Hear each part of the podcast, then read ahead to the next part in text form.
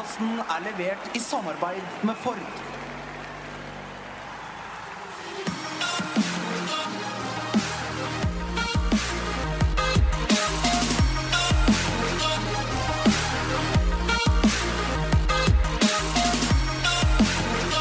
Det fins ikke mange mennesker som eh, fortsatt kan gjøre meg eh, litt eh, starstruck, men for meg, da jeg vokste opp, så var det én som eh, brakte mer glede, tror jeg, til eh, det norske fotballinteresserte folk enn noen andre. Han tok oss til to VM-sluttspill. Han tapte aldri mot eh, Brasil. Han slo England ut av VM før VM begynte og han var manager i Premier League. Og det er altså så hyggelig å kunne si at Egil Drillo Olsen er dagens gjest i Premier League-podkasten. Takk for det. hyggelig. Litt spesielt da, akkurat i dag, for nå like før du kom, så hørte jeg på P4, og der fikk jeg en, eh, et brev fra Jan Åge Fjørtoft, som også roste meg opp i skyene på hva vi drev med på 90-tallet. Så dette her blir mye. ja, og så er det jo egentlig fryktelig hyggelig, for det er første gang jeg har podkasten hjemme hos noen. Ja. Og her er det ikke så verst. Her er det veldig fint. Vi eh, sitter her med det som eh, angivelig er Oslos beste utsikt i TV-stua til eh, Drillo, men i dag var det mye tåke. Her ser vi knapt Sognsveien. Eh, eh, du kom til landslaget fra U21.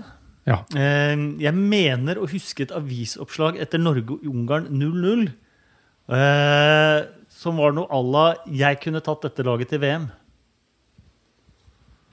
ja vel, det er mulig du har noe som ikke jeg husker, da. Jeg er ikke men jeg husker jo foranledningen og 0-0 på- i, i Bergen Mhm, med Ingvar Stadheim. mhm.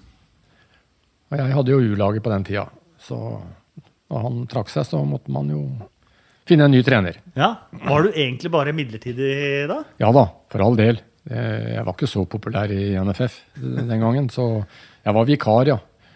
Så det, det var jeg i comebacket mitt òg. Så var jeg bare vikar. Da var det jo Ståle Solbakken som skulle inn eh, når jeg var ferdig. Så sånn har det vært begge gangene jeg har hatt eh, landslaget. Så har jeg starta som vikar. 6-1 eh, mot Kamerun, som kom fra et fantastisk VM i Italia, og 1-0 borte mot Tyskland. Det, det er ofte gode søknader. Ja, altså, det, vært, det er jo litt flaks, det, da. Så um, en god start. Og når du kommer med mye nye ting, så er du litt avhengig av å ha litt resultater i starten. Da blir det veldig mye lettere. Og det var veldig takknemlig, naturligvis, med, med Kamerun i, i 91, som, som da hadde et navn og kom fra et VM med stor suksess. Kom hit helt uforberedt. ikke sant? Jeg tror det var pluss én grad den kvelden. Vi frøs jo omtrent i hjel, stakkar. Så at vi vant 6-1, det var ikke så veldig mye å skryte av, men uh, sifra står der. Eh, I podkasten i dag så tenkte vi, i og med at dette er en Premier League-podkast, at vi har hovedfokus på, på Wimbledon-sesongen. En eh, lang, veldig spennende sesong på mange måter. Første gang vi hadde en manager i en engelsk eh, toppklubb også. Eh, men, men fram mot det så eh, hadde du jo eh, mange møter med både med engelsk fotball generelt.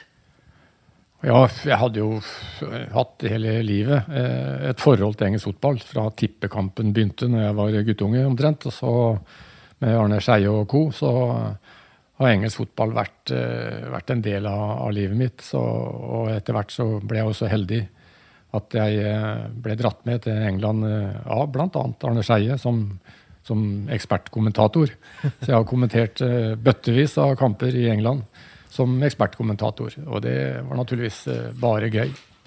Eh, og ikke bare Der kommer hun også. Hva heter han?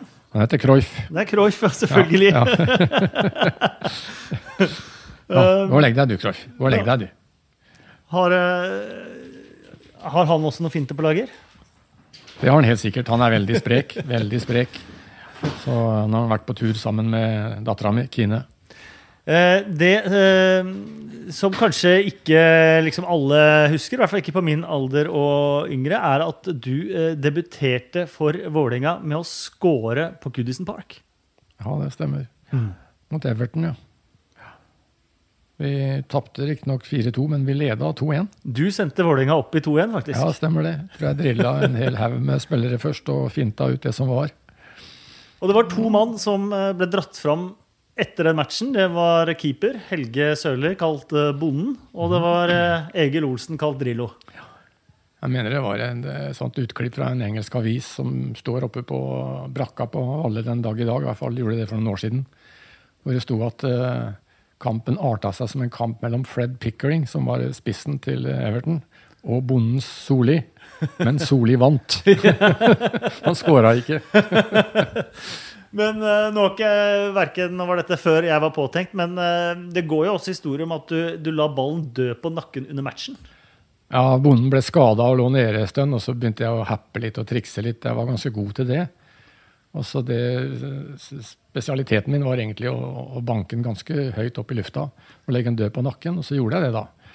Og da, da, reiste de seg, jeg tror det var 28 000 der. De reiste seg bare og More, more, more. og det var på det tidspunktet eneste kampen du fikk for Vålerenga, for du dro tilbake til Østsida? Ja, det var mye rart den gangen, så jeg ble overtalt til å gå tilbake til Østsida. Men så kom jeg til Vålerenga året etterpå der igjen, da. Så jeg var jo i Vålerenga i to sesonger.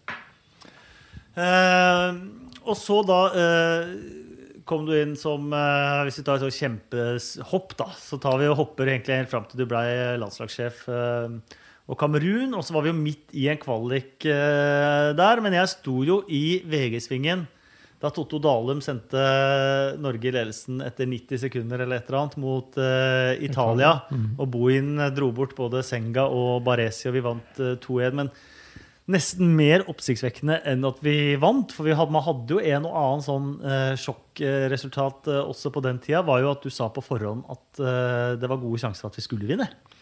Ja, en ting vi var veldig langt framme på, og som dessverre mange andre har tatt oss igjen på nå, det var eh, kampanalyser. Vi gjorde grundige analyser, ikke bare av eget lag, men også av motstanderlaget. Og vi analyserte Italia veldig godt, så vi, vi var veldig godt forberedt. Stort sett så var vi alltid bedre forberedt på motstanderen enn motstanderen var på oss. Var på oss. Og det var nok en av grunnene til at vi gjorde det så bra på 90-tallet. Det var flere grunner, men det var en av de. Um så, men dere kom jo akkurat ikke før dere tapte 0-1 hjemme mot Sovjet. Det var det som, det er, der det EM-sluttspillet røyk.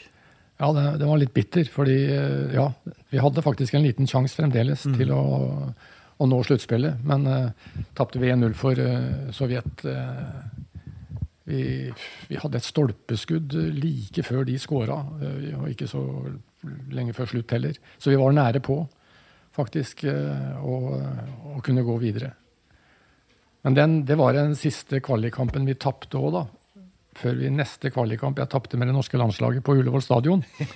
Det var mot Albania i 2013, var det vel? Eller noe sånt. Det for den hjemmerekorden den holdt jo helt til og Det husker jeg også fryktelig godt. Det var mest vondt. 1-3 eh, hjemme mot Latvia, tror jeg, med Semb. Ja.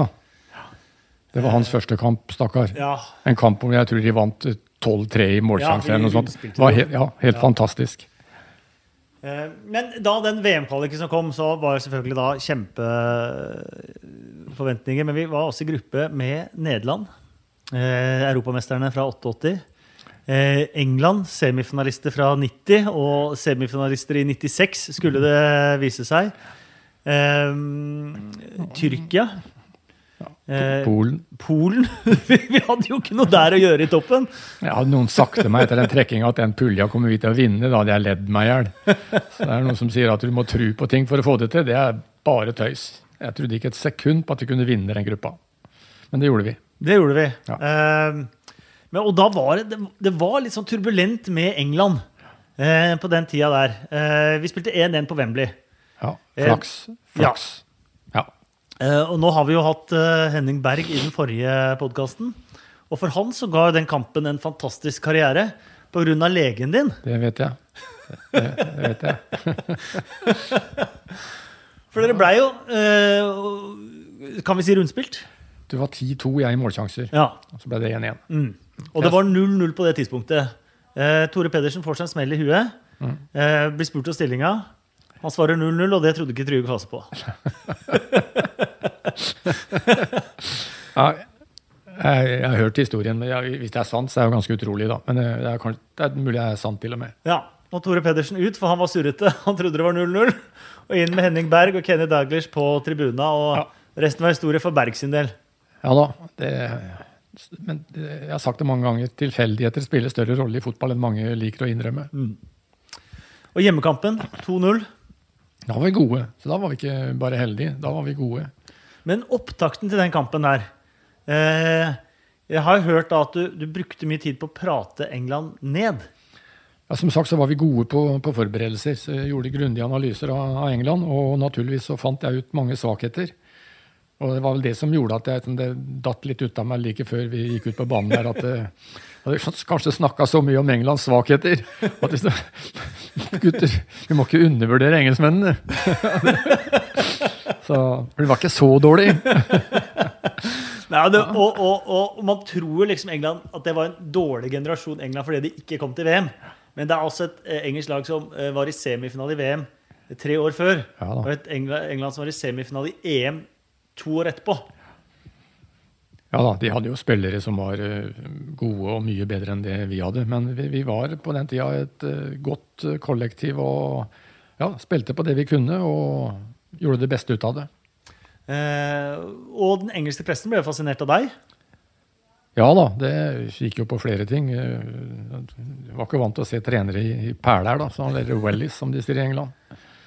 Jeg har til og med i mange mange år etterpå gått på, i, på gata i, i London. I, eh, og folk har stoppa meg og spurt meg 'Where are your wellies?' Så jeg, det er det jeg huskes for. Eh, men du endte i søksmål med en engelsk avis, gjorde du det? Ja, det stemmer. Det var nære på å bli rettssak. Det, det var uh, The People som hadde en veldig stygg artikkel om uh, ja, masse løgner om uh, min fortid og barndom og ja, masse rart. Jeg, jeg husker den artikkelen, for jeg, jeg tror jeg var i, i Syden eh, da, rett før, på ferie. Og der fikk man alltid kjøpt engelske aviser. Jeg mener det var et dobbeltside hvor du satt med perler ja, i bar overkropp. Eh, og overskriften var The Nutty Professor. The Mad Professor. The. Mad Professor, Ja, ja. det stemmer det. Så det, det var advokaten til Tottenham gjennom uh, Erik Torstvedt som tok saken, og han sa at eh, ja, som, du er aldri 100% sikker på å vinne en rettssak, men han antyda liksom at det et eller annet sted mellom 95 og 99% sjanse at jeg vant den rettssaken, for det var så mange løgner i den artikkelen. Med faren min som ble drept i et barslagsmål og bare tull og tøys. Så det var veldig lett å, å ta de, men eh, de, de trakk seg da like før og, og kom med et tilbud. Jeg tror jeg fikk eh, 30 000-40 000 for å, liksom, å legge saken død og kutte ut rettssaken og hele greia. Mens han advokaten mente at jeg kunne fått veldig mye mer hvis det hadde blitt rettssak og jeg hadde vunnet den. Men jeg tok det takke med de kronene jeg fikk. Men det, men det fortalte litt om den fascinasjonen engelskmennene hadde av deg. da. Ja, altså det, det at du slår England og, som en liten nasjon, det er klart det setter litt spor, det. Og så var jeg vel på den tida litt eh, større i kjeften enn det jeg er nå. Eh, og jeg husker godt, for jeg var på Wembley, ikke den 1-1-kampen, men jeg var på Wembley den treningskampen før VM. Uh, på Wembley. Eh, 0-0 endte det. Eh, og man skulle jo tro at eh, for en nasjon som Norge så var det viktig å få et eh, resultat. Eh, og stort å spille uavgjort på, på Wembley og, og alt det der. Men det jeg husker, eh, er at du, eh, om det er lov å si, nesten den ultimate fingeren til eh, England på stillinga 0-0 ti minutter før slutt, så sendte du også på reservekeeper Ola Byrise for at han skulle få gullklokka. Ja, ja, Det er jo ikke så rart, det, da. Det skapte jo ikke så veldig mye målsjanser, engelskmennene heller, så det var ikke så stor fare akkurat der. Og det var ikke så stor forskjell på de keepera. En meget habil keeper, Ola By, så det var ikke noe fare. Men det er likevel en sånn derre Det er ikke så farlig. Nei da, nei, men det, så det var en privatkamp òg, da. Ja? Ja. Så det fortjente Ola. ja. Ja. Og uh, den uh, tida der uh, så skapte jo enormt mange englandsproffer. Uh, vi hadde vel 23 i Premier League på det aller meste, tror jeg. Men jeg hørte at det på den tida var bare Skottland jeg, som hadde flere Ja. utlendinger i, i Premier League. Det er ikke umulig. Det holdt i hvert fall ikke å spille i Premier League for å komme på, på landslaget. Men du var jo da mye i England for å se på spillere. Ja da. Det, det var jeg. Så jeg har alltid vært uh, veldig glad i England og likt å være der. Og, og fotballen Jeg, jeg har til og med sett fotball langt nede i divisjonen i England. Syns det er litt stas òg, for å kanskje føle den der ekte fotballkulturen som du kanskje mister litt med å se på Premier League i dag. Uh, men, det er ikke, men uh, den engelske kulturen da, den er jo ikke helt lik som i Norge. I hvert fall ikke hvis du skal inn på de finere stedene på, på alle stadioner. Nei, altså, jeg merka jo det da jeg kom til Wimbledon nå, at det var forskjeller. Men de er nok viska litt mer ut. Det var mer rølpete den gangen jeg var der. Altså, det er jo ikke mer enn det, det er 17 år siden. Så uh, tinga er nok annerledes nå.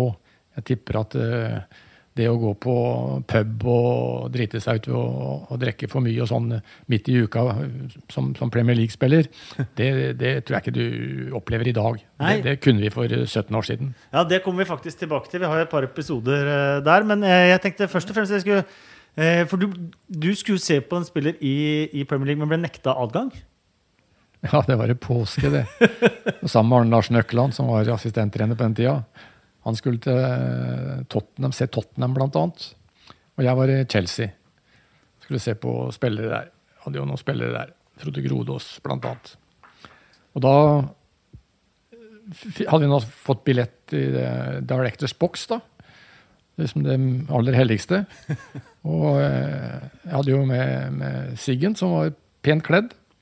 Og kommer opp der, og der kommer en fin herremann da ut og bukker og ser på meg og få litt hetta, tydeligvis, fordi jeg hadde ikke slips.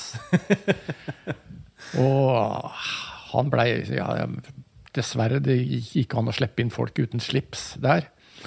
Og så lurte han på hvem jeg var, da. Og så sa jeg hvem jeg var, da. Og da jeg var jo til og med omtalt i programmet at jeg skulle komme. ikke sant? Så det, det var litt sånn litt pinlig å ikke slippe meg inn. Så, så, spurte han veldig pent da, om, om, han kunne komme med et sånt uh, Chelsea-slipp, som jeg ville ta på meg det. Så sa jeg naturligvis ja til det. da. Så, så jeg kom jo inn, da. Men det, det, sier jo litt om den konservative kulturen i, i England. da. Så, og Arne Larsen har opplevd det faktisk samme dag i, uh, på Tottenham. Ja. Og han hadde jo han hadde slips, han var litt mer jålete enn det jeg var. Men han hadde med seg sønnen sin, og han hadde joggesko. Og det ble også et problem. Ja. Altså, så det, det, er nesten ikke til å holde ut, det greiene der. Ja, ja. Så det er, eh, det er, en kultur som, eh, som, vi ikke har i Norge, heldigvis. Men, men, du kom deg inn med et lånt slips ja, på Stanford Bridge. Det er riktig. men du må jo ha opplevd litt også andre ting når du var rundt og, og så på spillere og, og, og reiste rundt i England? Ja, jeg, jeg, reiste ikke så mye som landslagstrener. Jeg brukte veldig mye å, å se spillere på, på, video og sånn isteden. Så jeg var ikke så veldig mye ute og så på spillere. Noe var jeg, men uh, mye mer i den uh, siste perioden. Mm. Uh, du avslutta da landslagskarrieren på, i Marseille. Ja. mot Italia. Der var jeg òg. Jeg dro ned etter Brasil-kampen. Brasil ja. Eh, så det var jo en bomtur, selv om det var en opplevelse å se Norge i, i VM. Eh, men jeg snakka som sagt med Henning, eh, Henning, Berg, og han hadde noen runder der også på, med, med, landslaget, men han mente at, at kanskje det som var tyngst for deg, var at han slo deg i bordtennis? Jeg liker ikke å si at ikke jeg husker ting, også, men det er noe som heter selektiv glemsel, er det ikke det? Også? Fordi eh, Det måtte ha vært litt tungt, fordi jeg var ganske bra i bordtennis etter norske forhold. da, vil Jeg merke. Jeg spilte i førstedivisjon i tre sesonger her i Norge, så jeg var ganske brukbar i bordtennis. Kanskje jeg spilte med venstrehånda? Det kan hende. Det kan hende, vet ja. du. Ja, For jeg var ganske bra med venstrehånda òg, skjønner du. Så ja da. Nei, var, så du nekter å godta premisset uten videre? Jeg husker ikke. Hvis han har slått meg, så ja, det forundrer meg i så fall. Ja, Hvis det var med høyrehånda, da, vil jeg merke. Og så var med U21-landslaget til Bagdad i 1990, halvt år før det brakte løs der. Ja. Med, kan det stemme? Med U21, ja. Mm. ja. Vi var i Bagdad da Saddam regjerte. Mm. Og var på treningsleir og spilte en treningskamp. Stemmer det. Var det var det, det var et halvt år før det smalt, da? Ja, vi, vi ante jo ikke noe, noe om det Nei. den gangen, naturligvis. Det var stille og rolig der, og det var et ja. fint opphold, og vi mm. bodde fint, og bra treningsforhold, og ja da, veldig greit. Mm. Og Irak kom du tilbake til? Ja, vi, ja da. Ja, ja, jeg har opplevd og vært med på litt av hvert. Det er helt riktig. Ja. Vært i Premier League og vært i Ja. landslagstrener i Irak. Vi, eh, vi går egentlig Du, du var jo i Vålerenga der, og eh, det var jo et eh, Dere vant 1-0 mot Besjiktas hjemme. Eh, møtte de borte. Mm. Det rant på til 3-0 til Besjiktas før pause der. Ja. Eh, du må fortelle om den kampen. Nei, det er jo veldig spesielt da, i, Tyrkia, for det første. Eh, For det første så husker jeg at vi bodde på et hotell som lå på en høyde så vi så ned på stadion. Og vi hadde jo vanligvis sånne spillemøter eh, sånn tre-fire timer før kamp. Og så så vi ned på stadion, og den var da nesten full. Altså, Vi snakker om tre timer før kampen. Det var helt vilt. Og der sto det 'Welcome to hell', husker jeg, og det var, det var stappfullt. Og øh, vi lå under da 3-0 til pause. Da, du var ikke så veldig høy i hatten da. Men jeg visste jo da tross alt at 3-2 holder. Ikke sant? Vi vant jo 1-0 på Ullevål. Så, øh, og når vi scora da ganske tidlig, så, så kom jo håpet. Og så, ja, så endte det, som du naturligvis vet, at det ble 3-3. Og, vi, øh, og vi gikk øh, videre. Men jeg, men jeg mener, jeg leste i avisa dagen etter at uh, du sa du hadde en plan som du hadde gått gjennom på forhånd. Både på 0-1, 0-2 og 0-3 til pause, men ikke 0-4. Ja, det stemmer det. Jeg likte å forutse ting og hva som kunne skje. Så uh, heldigvis så, så stemte det. Uh, Fordi 3-0 høres ut som det er, da er kampen kjørt, men ikke når du trenger bare to. Så Men 3-0 tyder også på at man har fått kjørt seg, at eh, sjansen kanskje er større for 4-0 enn 3-1. Vi de fikk kjørt oss, for all del. Og, men de ble nok også litt overmodige og syntes dette her var kjørt og var veldig lett. Og vi lå da fremdeles eh, lavt og kontra de senk. Eh, Skåra på en dødball først, riktignok, og så en kontring med, med John Carew som løp ifra det som var. Og så endte du i Wimbledon Ja, etter hvert. etter hvert. Hvordan, eh, hvordan kom det i stand? Nei, det var vel eh, gjennom eh, ja, litt usikker på forholdet med Det var jo etter at eh, Gjelsten og Røkke hadde kjøpt seg inn der. Og deres forhold til Sam Hamam, som var da Mr. Wimbledon på den tiden. En libaneser som jeg fremdeles har kontakt med. Du har det? Ja visst. Yeah. Det var ikke så lenge siden jeg var over og besøkte den. Nei, Så fantastisk fyr. ja. En av de beste lederne jeg har vært borti noensinne. Med, ja, empatisk, eh, fulgte med og ja, en fantastisk leder. Og eh, det var vel De var og så på en Vålerenga-kamp. eh, og, Røkke og Gjelsten og eh, Sam Hamam. Og så, ja, så skulle de ha ny trener da, i Wimbledon. Så fikk jeg tilbudet, og så kom forhandlinger, og Vålerenga fikk vel noen kroner for dette, for jeg var jo i kontrakt med, med Vålerenga. Så dro Lars og jeg over. og Lars. Kjernås. Lars Kjernås. Og nesten et år. Fantastisk år, selv om de da rykka ned etter at vi hadde fått sparken. Ja. Men det skjedde jo uh, mye underveis. Du kan, vi kan starte med, med starten. Eh, Du måtte ta over litt av det gamle støtteapparatet? Ja da. Det, ikke bare litt, det var vel omtrent eh, det som var. da, Assistenttrener. Fra Mick Harford og, Mick og nedover? og nedover, ja. Og det, det funka for så vidt greit, det. Så eh, med, med fysioer og sånn, jeg hadde jo ikke noe behov jeg, for å hente inn eh, mine folk på de tinga der. Det funka bra, det. Og vi hadde jo et treningsanlegg der, eh, ikke all verdens riktignok, men med, med, med klubbhus og kantine og fint miljø. Så gåavstand fra der vi bodde. Så eh, hadde det ganske fint. Så men det, det var en spesiell klubb. De, The Crazy Gang. De skulle jo leve opp til det. Og det gjorde de da til, til gangs i mange sammenhenger. Og eh, ja Så utvikla det seg sånn sakte, men sikkert et sånn lite, aldri så lite anstrengt, eh, for ikke å si konfliktforhold, mellom eh, nordmenn og engelskmenn. fordi det var jo mange nordmenn ikke sant? på eiersida, trenersida, det ble jo flere og flere spillere som var norske. Så eh, det var nok noe av årsaken til at det gikk skeis og endte med, med, med å sparke trenerne. Mm. For Wimbledon er, det er en spesiell klubb. Det var en klubb som sparka seg opp fra 70-tallet. Jeg tror de brukte elleve år fra eh, nederst til å havne i eh, den øverste divisjonen. Eh, En fantastisk reise som da kulminerte med FA Cup-seieren mot eh, den tidens giganter i 1988, eh, Liverpool. Ja. De holdt seg oppe. De hadde jo da vært eh, i Premier League siden starten, eh, da du eh, kom også. Men det var også en liten klubb. De spilte på en stadion som het Plow Lane. som etter hvert ble, Før jeg kom, ja. ja. Ja. Som etter hvert ble så sliten at man ikke kunne spille der mer. Eh, og da du var der, så delte man eller lånte eller leide fra Crystal Palace, som man også spilte på Sellers Park. Ja, en times biltur fra Wimbledon. Og hvis ikke du var lokalkjent, så ville du aldri ha funnet fram. Så eh, det var ikke noen sånn enkel eh, vei. Det var sidegater og frem og tilbake. Og, ja. Men ca. en times kjøring. Eh, og så har man hørt om alle disse her eh, velkomstritualene i, eh, i Wimbledon med gjemming av klær og brenning av klær og det ene Ja. med det andre. Hva fikk, eh, hva fikk du? Nei, det var, tror jeg, John Hartsen ja, som brant opp eh, perlene mine. Så det, ja, så, men det, det var sånt som hørte med liksom, til, til imagen til eh, The Crazy Gang.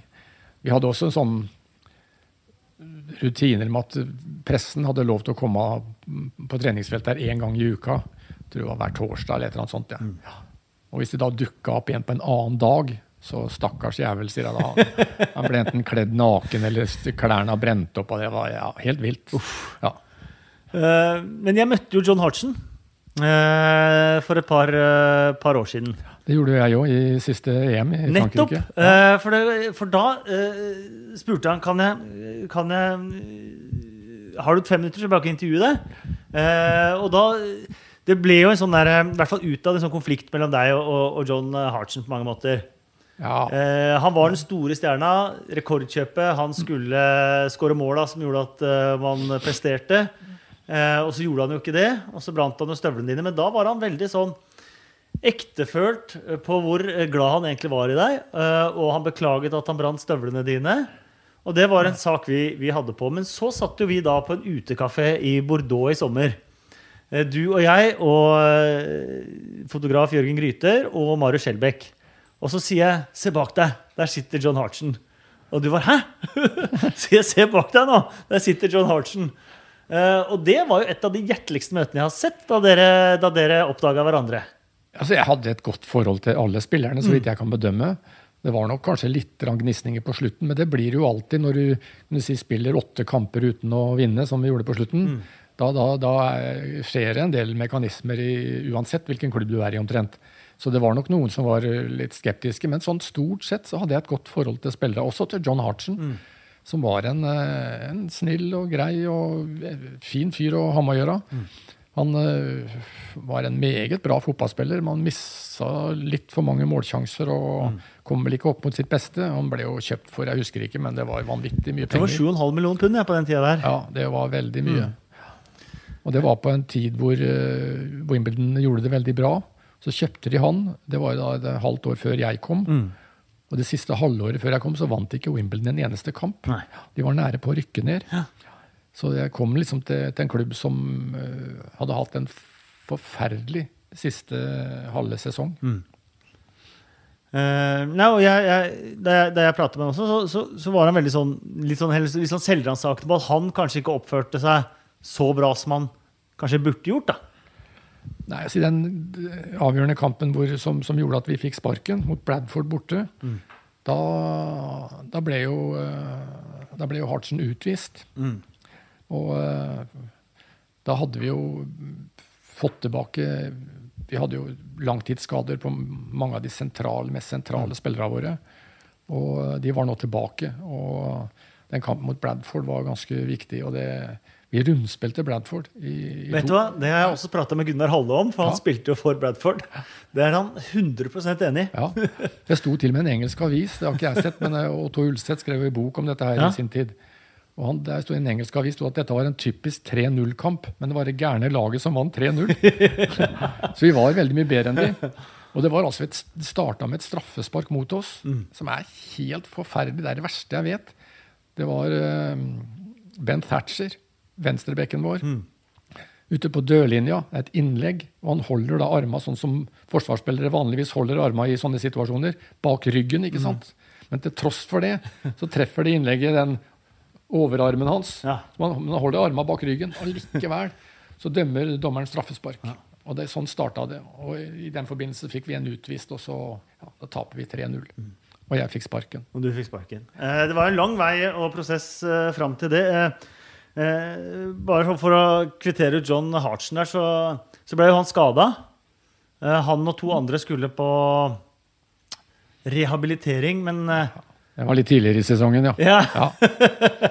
de, de brukte kanskje tida på noe litt annet. ja de havna på en pub og havna i slagsmål og ja. Det er jo sånn som er helt utenkelig. Ikke, ikke sant? Eh, Ja.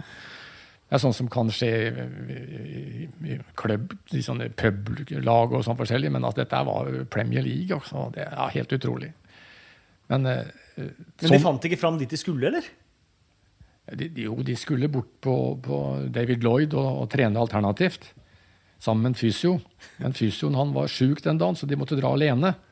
Hvis, så ligger en pub like ved der, da. Så gikk, dro de dit isteden.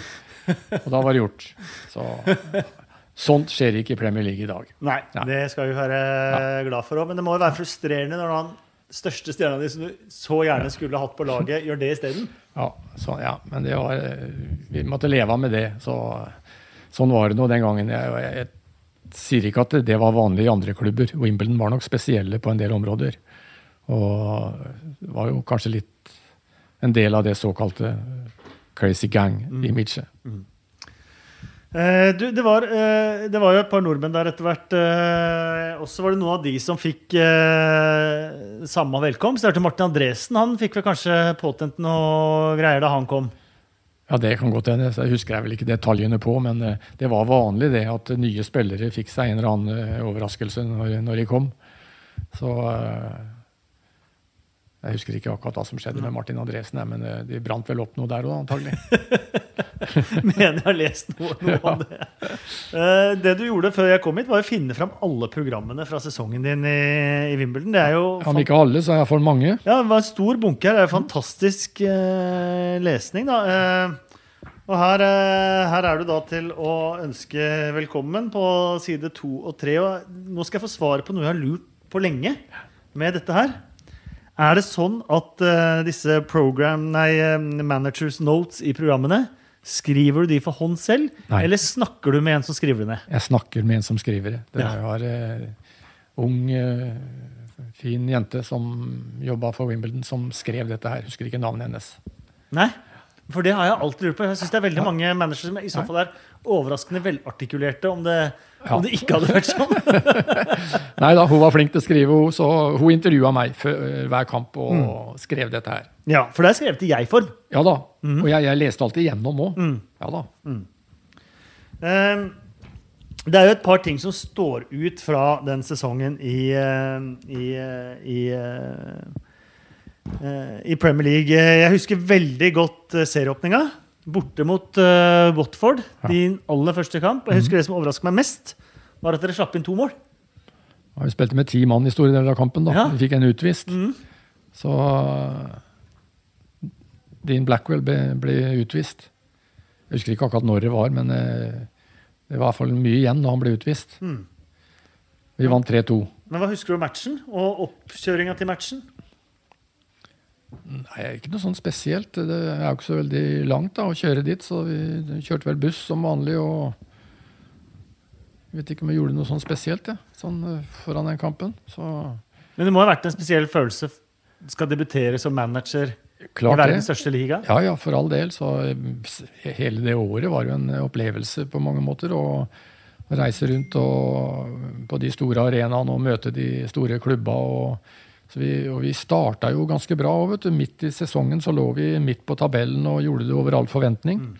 Så kom alle disse skadene, pluss litt grann uheldige omstendigheter, som gjorde at vi raste ned på tabellen på slutten. Så, så det var en veldig spennende og fin sesong. og det var vel bare to lag som slo oss i begge kamper. Det tror jeg var de to Liverpool-lagene. Everton og Liverpool. Eller så tok vi poeng fra alle lag. Spilte uavgjort begge kamper mot, uh, mot ManU, f.eks. Den uh, spesielt bortekampen her kommer vi til, for det var en fantastisk match. Den husker jeg så på en fotballpub i Trondheim, faktisk. Yes, ja. uh, men hjemme, hjemmedebuten uh, Drøyt 11 000 eh, tilskuere mot Middelsbro. Husker du den? ja, vi tapte 3-2. Mm. Men jeg husker enda bedre bortekampen. Det kan vi også prate om, for det endte 0-0, og det skulle den ikke ha gjort. Nei, det skulle den ikke ha gjort. Fordi der skåra vi en goal, flott goal som ble helt fullstendig feilaktig annullert for offside. Og Og det var ikke sånn at liksom det var sånn hårfint. Det var flere meter onside. Og Jeg vet ikke om det er sånn eh, i dag, men eh, den gangen så var det sånn at etter hver kamp så fikk vi et sånt skjema, vi managere, som vi, med kommentar til dommeren. Om dommeren. Og det, den pleide jeg å fylle ut eh, til hver kamp. og Var det behov for det, så roste jeg dommeren. Og i den kampen mot Middlesbrough så skrev jeg det at uh, dommeren gjorde en stor feil. Vi skåra en goal, og um, den ble annullert helt feilaktig for, for offside. Og da får jeg svar fra den dommerkomiteen. Jeg vet ikke, Det var en liten komité som satt og vurderte alle disse her antageligvis. Da fikk jeg svar, og du har naturligvis helt rett, Mr. Olsen, men det er dessverre lite vi kan gjøre med det. Poenget er at hvis vi hadde fått godkjent den goalen, så gudene vet, så hadde jeg kanskje vært i, i Premier League i flere år etterpå, for da hadde ikke Wimbledon rykka ned. Nei, du, du mener det, altså? Da hadde man, eh, man holdt seg. Det var eh, Skal vi se skal vi se om jeg finner den. Der er den. Eh, Det var på bursdagen min, Ja vel? kan jeg fortelle. Ja vel. Ja vel. Min 24-årsdag. Jaha. Ja, for da var dere også litt i, litt i dytten der. Ja, det var vel en av de første kampene på det, den, den nederlagsrekka. Mm. Den etter den. For den begynte vel like etterpå, så vidt jeg husker. Jeg husker dommeren veldig godt. Yes. Husker du han? Nei. Paul Durkin. Ja vel. Han var liten, ganske tett og rødhåra. I all verden hva du husker. Husker du ikke han? Han var veldig, veldig særegen i, i utseendet. Jeg ser jo at det er eh, Durkin her som var, som var dommer. Ja vel.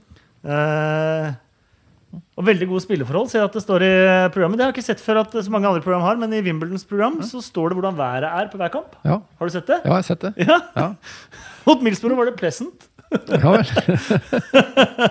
uh, mot Derby var det very warm. Ja vel. Uh, uh, mot Watford her i desember, cold og windy. Ja. Det var veldig, det var veldig artig at de har, har været på hver eneste kamp. Ehm, du hadde altså uh, Du er ubeseira mot et par giganter. Du er ubeseira mot Brasil ja. Uh, Og ManU. og Manchester United. Ja.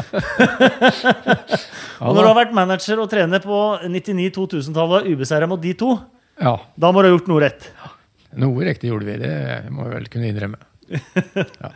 Ehm, bortematchen mot Manchester United. Ja. Eh, det var 1-1, var det det det blei? Ja, de Ja. utligna like før slutt med, med han eh, Georgie Cruyff. Ja. Eh, Leda 1-0 etter scoring av en palestiner. Badir. var det Badir som scora? Ja. For dette her diskuterte jeg med Marius Skjelbæk før, vi- før jeg kom hit. Han mente Jason Ewell. Jeg mente Carl Court. Og jeg sier Badir. Du sier Badir. Ja, jeg f- f- Ikke Jeg, sånn jeg sitter jo med programmet og fasiten foran meg. Og du har helt rett. Jeg har rett, ja. Badir. Ja, Så fint, da. Ja. Men Carl Court gjorde en fantastisk match der, mener jeg husker. Ja, han var en meget bra spiller. Han eh, minner meg litt om Tor André. Mm. Sånn i, i stilen lang. og typen og ja, litt sånn hengslete og gode finter. eh, Ja, i det hele tatt. Han var, spilte jo på den tida fast på Englands U21, da. Mm. Men jeg leste også den boka til eh, Otto Ulseth om den uh, tida. Og han, han skriver litt om eh, forholdet du fikk til, til andre managere. Og, og der på Old Trafford var du og drakk uh, og fikk smake på den berømte vinen til sir Alex. Ja, Det kan jeg heller ikke huske, men altså, det, det, kontakten med andre managere den var veldig liten. Mm. Mange så jeg omtrent ikke i det hele tatt, annet at du shaker hands etter kampen er slutt og sånn. Men noen prata jeg litt med, og, og ja, hvis jeg fikk En jeg fikk litt kontakt med, som jeg har prata med både litt den gangen Han var da manager i Leicester, Michael O'Neill. Ja. Og han har jo truffet etterpå òg, fordi han trente jo Aston Villa da eh, Ja. Karet var der. ja. Så han har jeg hatt litt kontakt med. Han er en av de veldig få som jeg kunne ha diskutert litt fotball med. Mm. Det er ikke så vanlig, tror jeg, Nei. at managere diskuterer fotball, sånn fotballfag. Det har jeg gjort litt grann Mm. med, med, med Michael. Det var spennende. Eh, men, men ble man ofte på bortekamper invitert opp til et glass eh, vin til den andre manageren? Nei. Nei. Nei. Og du inviterte heller ikke? Nei. Nei. Det var ikke vanlig. Eh, Og så reiste dere med, med buss. Ja, stort sett. Ja. Stort sett. Var et par ganger vi kjørte tog, husker jeg. Mm. Ja. Aldri fly, nei. Nei, for det gjør de jo nå. Eh, Arsenal tok jo eh, for et par år siden flyet opp til Norwich. Ja. Eh, var i lufta i 14 minutter. Eh, Tapte 0-1. Tottenham, om det var fjor eller forfjor, tok flyet ned til Bournemouth. De var jo ikke mer enn 20 minutter i lufta, de heller. Så det har jeg skjønt det har blitt vanligere. Ja vel. Men dere brukte tida på kort.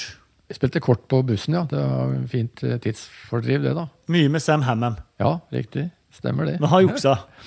Nei, han var ikke noen kortspiller. Nei, Han var veldig engasjert. Ja, han kunne bli, han kunne kaste korta i sinne, han. Men en herlig type. Vi har også spilt kort på toget, Drillo. Ja, Vi gjorde jo litt det i, eh, i Frankrike. ja. Ja, eh, ikke Hva heter det? Omvendt kasino? Nei. Krypkasino. Krypkasino. Og der er du to ganger europamester. Ja, noe sånt. Pleier å litt spøkefullt skryte av det. Nei, Det husker jeg helt tilbake fra den gangen jeg var fotballspiller på østsida, altså i min pure ungdom. Og Der eh, hadde vi mesterskap i krypkasino, blant annet. Så, og nå, er- I og med at jeg vant kanskje det et par ganger, så pleier jeg å skryte at jeg har blitt europamester. For det var vel ikke så mange andre steder det var mesterskap i krypkasino, tror jeg.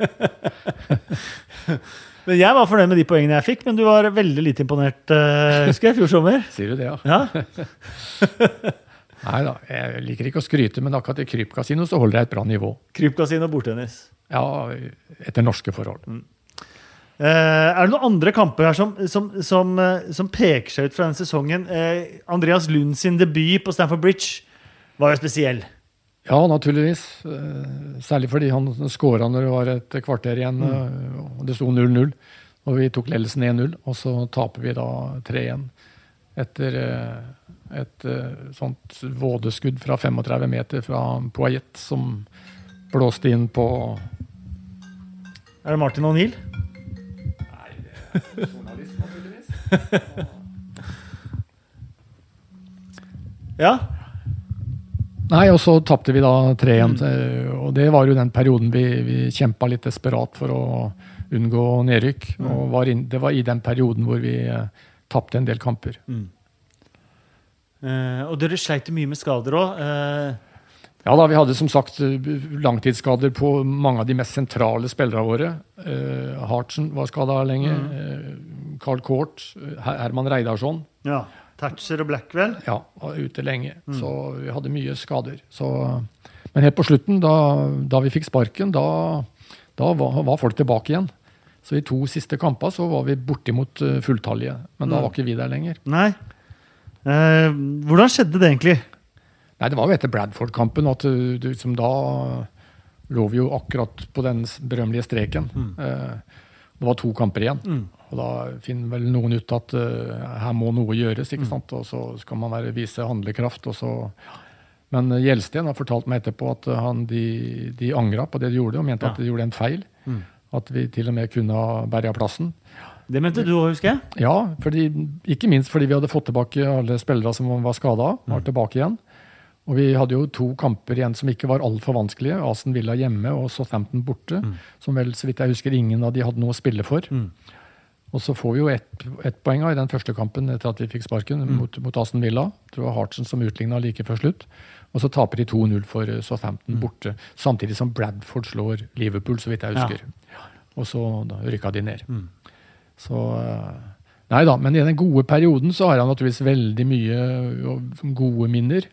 Og jeg ble jo kjent med Kampanalysens eh, far, som jeg da hadde kjent eh, litt tidligere òg, da. Men eh, Charles Reap, Ja. ja, en eh, 90-åring som starta med kampanalyse ja. på 50-tallet med papir og blyant. Analysert tusenvis av fotballkamper. Han ble en god venn med etter hvert. ja. Og eh, han ringte meg husker jeg, fordi vi skulle møte Newcastle på Stellers Park.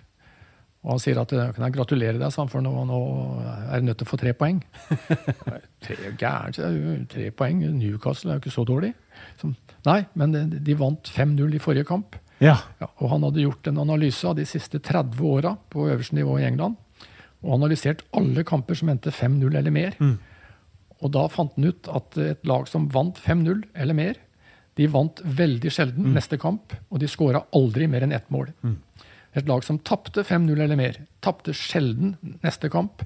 Og slapp aldri inn mer enn ett mål.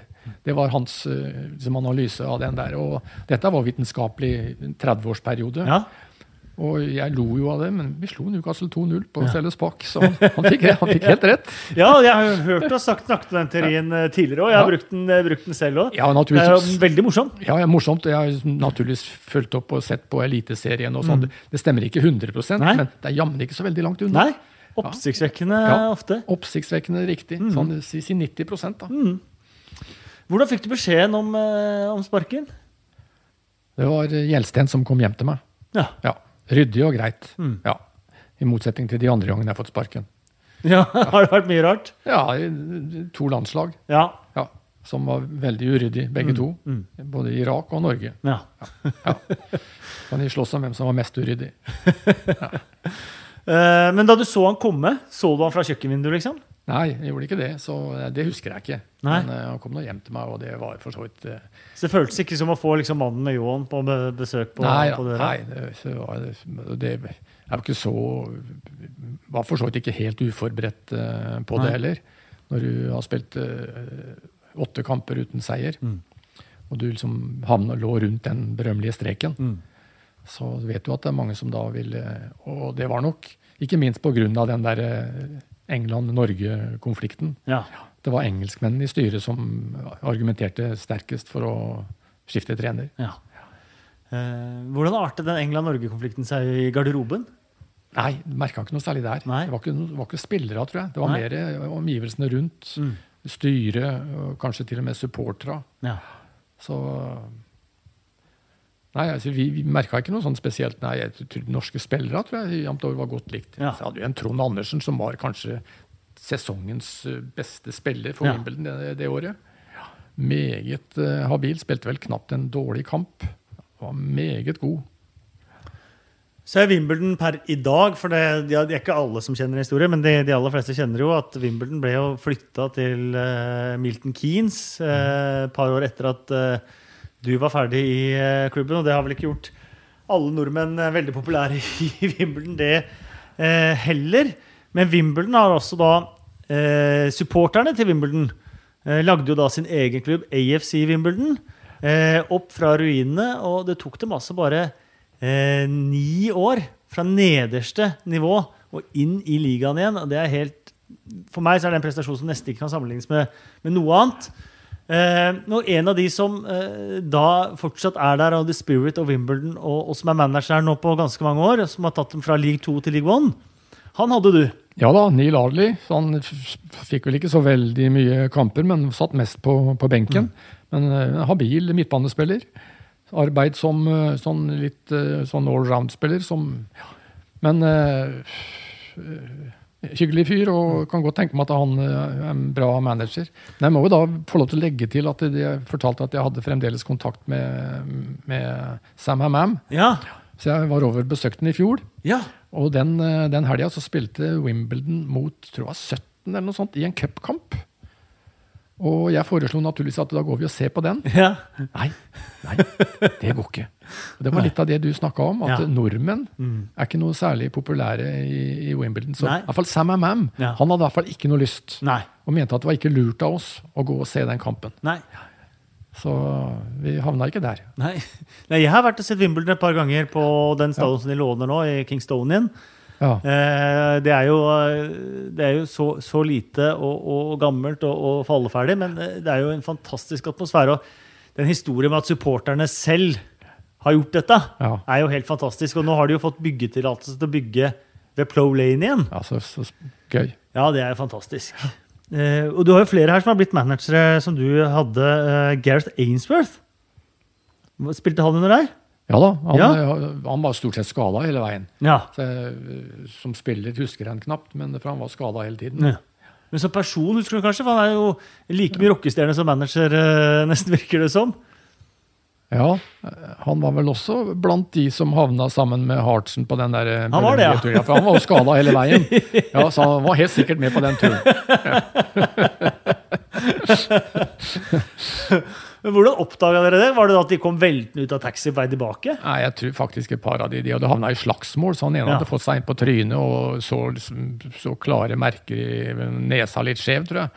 Så øh, det var ikke noe problem, det. Og det er klart sånne ting det sprer seg jo. Ja. På en pub det er jo flere enn de som er der. Så for all del. De var jo tross alt kjente fotballspillere. Eh, fra du kom tilbake som landslagssjef og, og var over i England og så, og så spille Det var kanskje ikke så mye i England eh, da, de andre perioder, for vi hadde ikke så mange spillere i, i England. Men uh, traff du på folk som du hadde krysset din vei som, som manager og sånn da? Nei, ikke noe sånn særlig. Vi, uh, som, som du sier, i den siste perioden så hadde jeg ikke så mye spillere i England. Og da hadde jo eh, teknikken eh, tatt noen steg framover også. Og da kunne jo jeg, i siste perioden min som landslagstrener, så kunne jeg jo se alle spillerne mine på, på TV-en Ja. eh, etter hver kamp. Så da var det ikke det samme behovet for å reise rundt og besøke de. Nei.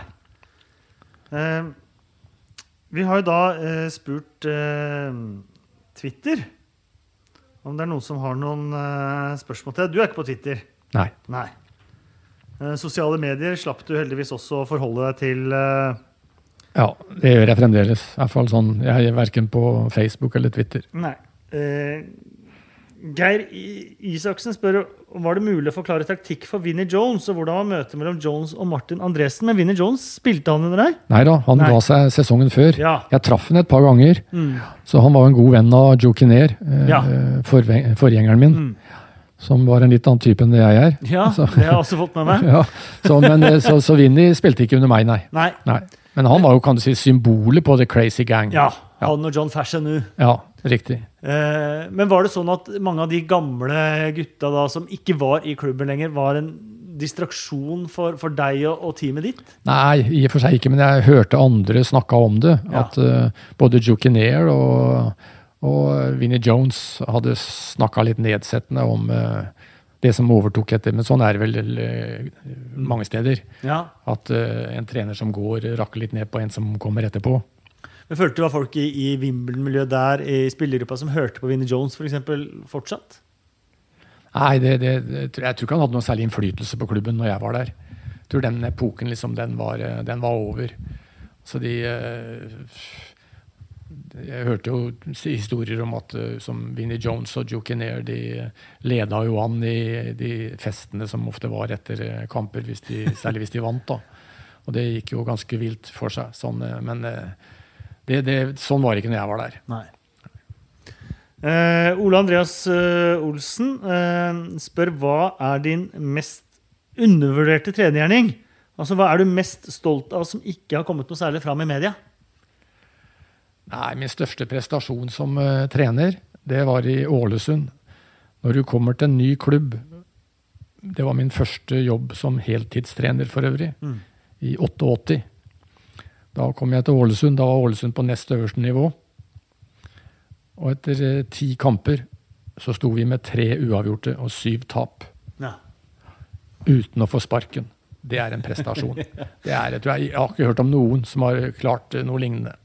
Det er en kjempeprestasjon. Ti kamper uten seier og uten å få sparken. Fantastisk. At vi da vant alle kamper på høsten, det er en annen sak. ja, for det gjorde dere. Ja, det gjorde vi. Ja.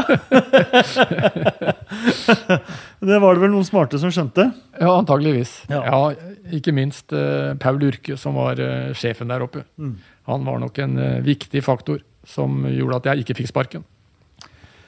Martin Ingstad spør eh, hvordan var tiden som trener for Irak? Hva er de største forskjellene trener- og kulturmessig fra tiden der og i andre klubber?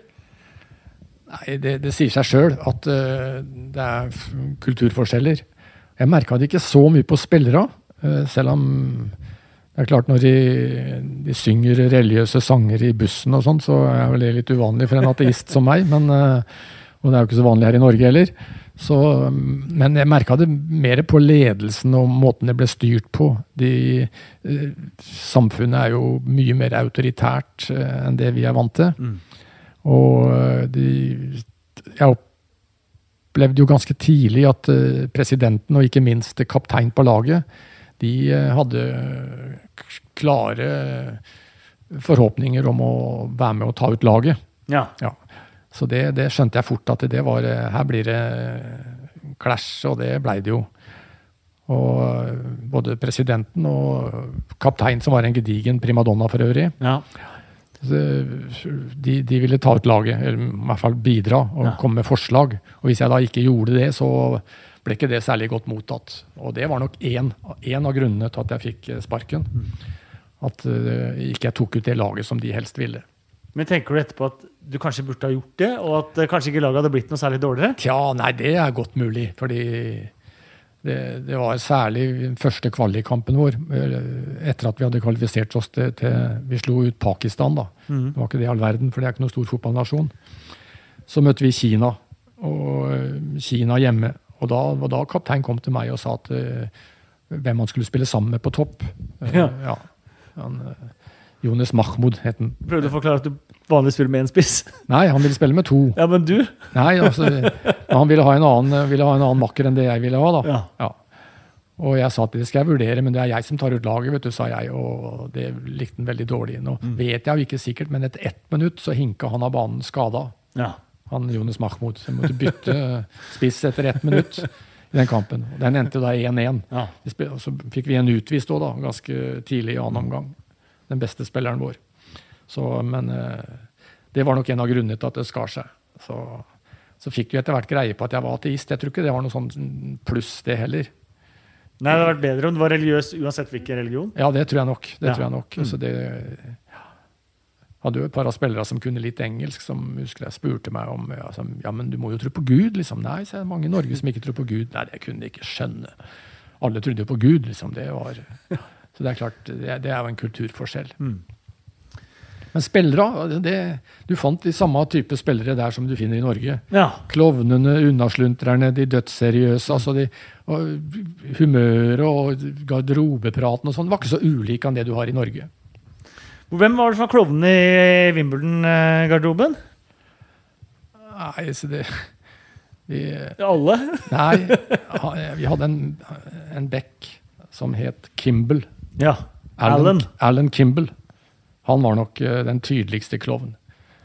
Men det, så, på mange måter så var det jo det, det var mange klovner der, men eh, det var nok Kimball som var, eh, var den offisielle. Fra Crazy Gang-tiden så har vi kunnet lese at, eh, og høre om historier fra f.eks. at bortegarderoben eh, eh, Der var det 40 grader, man spilte eh, musikk og skapte støy, sånn at de ikke skulle kunne prate sammen i bortegarderoben. og alle de tingene der. Var det noe sånt på, på din tid? Ja, jeg måtte anskaffe meg ørepropper etter hvert, ja. Det, måtte det var, ja. musikk. Ja du, kan ikke, ja, du kan ikke forestille deg. Det var så høyt at eh, Og jeg som hater høy musikk Det er en sånn feilaktig oppfatning av at jeg hater musikk, men jeg gjør ikke det. Men jeg hater høy musikk. Ja. Og det var i Wimbledon til de grader. Det var mulig der jeg fikk den voldsomme aversjonen for det, jeg vet ikke. Nei. Men det var helt uh, uutholdelig å være i garderoben. Eh, men ble det også brukt som et våpen mot, eh, mot eh, borte, bortelaget? Nei, det vet jeg ikke nok om, men altså, det er jo ikke alltid garderobene garderoben jeg så nærme hverandre heller. Men uh, i det hele tatt, det var et jævlig leven. Der er du jo kjempenærme. På Sellers Park, er det Ja, ikke ja. det? Du har den trange gangen, og så Ja, har du Der var det jo trangt overalt. Ja. så En gammel, sliten stadion. Så, så nei, musikken var en del av, av det jeg husker veldig godt. Skrudde de av varmtvannet for eksempel, i bortegarderoben og sånt nå? Det, det forundrer meg ikke, men det, det kan godt hende. Eh, Men du sitter igjen da med Sitter du igjen med blanda minner, eller sitter du igjen med en sånn fantastisk følelse at dette har du opplevd? Nei, dette har jeg opplevd. Og det er klart at det er litt trist når det ender med at du får sparken, men altså Det, det, det, det, det er ikke noe sånt som gnager meg noe den dag så lenge etterpå. Det var litt trist akkurat når det skjedde, men for all del, det har for lengst kommet over. Og jeg gleder meg over det året jeg var i, i Wimbledon. Eh, Du husker Middlesbrough-kampen veldig godt. Ja, på grunn av at liksom, mm. da, da kunne vi ha berga plassen. Er det noen andre av de kampene der som, som skiller seg ut? Jeg sitter og ser i programmet nå eh, Wimbledon-Liverpool fra 16. april. Hva finner jeg her? Eh, er det noen av de kampene her som du, du, du sitter og du, du, har tross alt kommet på Anfield, gått ned den berømte spillertunnelen på Anfield og stelt deg på bortebenken. Det er ikke så veldig mange forunt som, som, eh, ikke som norske managere og trenere. Nei da, for all del opplevde jo mye. En av de kampene jeg husker aller best, det var jo på slutten der når vi kjempa for eh, å unngå nedrykk. Og vi taper 2-0 hjemme for Sheffield Wednesday i en kamp som vi dominerte fullstendig. Litt sånn som mot Bradford, for så vidt. Ja. Jeg tror vi husker, husker jeg ikke feil, så vinner vi 10-3 eller 10-4 eller noe sånt i målsjanser og taper 2-0. Eh, sånn som naturligvis eh, skjer i fotball i ny og ne. Men eh, så det var ikke bare skadene som gjorde at vi tapte så mange kamper på rad. Det var også en del eh, som jeg kaller sånn, ja, tilfeldigheter, flaks, uflaks, som spiller en rolle i fotball. Så vi var uheldige i noen av de avgjørende kampene. Og det hadde ikke vært, det hadde holdt vet du, med én seier Ja. i disse kampene, så hadde vi klart oss. Så Sheffield Wednesday-kampen Sheffield Wednesday-kampen husker jeg veldig godt, for den var veldig sur. Blir det sånn som manager Vi har jo, husker jo Steve McLaren under paraplyen og sånt nå. Blir sånne tap ekstra sure at man står i regnet og, og føler liksom at alt går mot det? Du, om det regna eller ikke den eh, dagen der, det husker jeg ikke noe som helst fra. Så det kan godt hende. Jeg tar det fra programmet her, Oh, ja, du gjorde det, ja? Ja, Ja, står rain, står det. Ja, ja, akkurat. Ja, det husker ikke jeg. Men hvis det står i programmet, så er det helt sikkert riktig. Ja, Du husker bildene av Steve McLaren eh, mot Kroatia? Hvor han ble Wally, Wally with the Broly? Ja, yes. og reiste seg jo aldri fra det igjen. nei da. Det, Du, Drillo, ja. det har vært fantastisk å sitte i eh, TV-stua di og mimre fra, fra gamle dager. ja, dette var mimring. Ja. og utrolig hyggelig at du, eh, du tok deg tid. Ja, i like måte. Det har vært hyggelig for meg òg. Er det noen lag i eh, Premier League du følger ekstra med på? Nei, ikke, nei, i og for seg ikke. Eh, Men jeg, jeg følger jo med. Jeg ser mye engelsk og mye spansk fotball. Det er det jeg ser mest av. Eh, Så jeg hadde jo Tottenham som favorittlag da jeg var guttunge. Ja. Men eh, etter hvert så har det jo blitt mer eller sånn at jeg, jeg holder litt mer med de der hvor jeg kjenner manageren litt og Ja. har et forhold til det. Så, så ble jeg jo litt betatt naturligvis av, av Leicester i, i fjor, eller i forfjor, Mm. Ja. når de ble mestere. Og så jeg Leicester mot eh, City eh, I går kveld? i går. Ja. Det var ikke like altså, de, de spiller jo ikke sånn lenger, Nei. Leicester. De Det er ikke så mye sånn, i hvert fall. Nei, Nei. langt ifra. Det er mye mer possession-orientert nå, Leicester, enn de var da de vant. Så, men eh, Nei, jeg ser, ser mye engelsk fotball, for all del. Jeg er imponert over City, eh, Manchester City, fordi én ting er at de kanskje holder ballen litt mer i lag enn det jeg står for, men altså det, måten de forsvarer seg på, blant annet eh, de, de har et, eh, en struktur på, på jobben som førsteforsvarer. De kommer fort, eh, veldig fort opp i ballfører, og det er vanskelig å spille fotball mot Manchester City. Og så har de da naturligvis kreative spillere som kan eh, skape ting framover. Der var jo du langt fremme. Eh, spill uten ball, eh, press. Jeg har nesten sagt at du er gegenpressens far. Ja, defensivt så var vi eh, helt sikkert i verdenstoppen. Det, det var vi. Så. Men når du da i tillegg har spillere som kan bidra med de kreative tinga offensivt, da, så, så blir det veldig bra. Og der er City. Og det hadde jo du òg. I Myggen Ja spesielt. Ja Bohin, kanskje. Ja, Tor André. et- Tor André? Ja, så hadde jo litt av det, vi òg. Eh, ja. Eh, Leicester de hadde jo da muligheten til eh, De var i kvartfinale. Eh, de havner mellom 8. og 11. plass i eh, Premier League. Hvor Ja. stor forskjell på det? Det er ikke store forskjellen. Stor forskjell på å vinne trofé og ikke trofé. Ja, Eh, hadde jeg vært Leicester-fans, hadde jeg vært eh, provosert over at de stiller da så å si et reservelag mot Manchester City. Kan man skjønne at de gjør det, for de Ja. kriger på mange fronter. Ja. Så mot et halvt juniorprega Manchester City, man har en gyllen mulighet til å vinne et trofé for fansen, og så kjører man et så reserveprega lag, er ikke det rart? Det er veldig rart. Veldig Mm. rart. Jeg er helt enig. Så eh, jeg var veldig skuffa når jeg så eh, Leicester. Eh, men da tenkte jeg, med den siste digresjonen der, at jeg sier takk for nå. Uh. Skal jeg pakke sammen fra, fra stua di, drikke opp uh, kaffen? Det har vært utrolig hyggelig, uh, Drillo. Ja, i like måte. Og til deg som eh, hører på, hvis du likte episoden, så gå gjerne inn på iTunes, gi en stjerne eh, eller to, eller en eh, kommentar, så setter vi pris på det. Og du hører vel dette her rundt den tiden at det er på tide også å si godt nytt år når nyttårsaften kommer.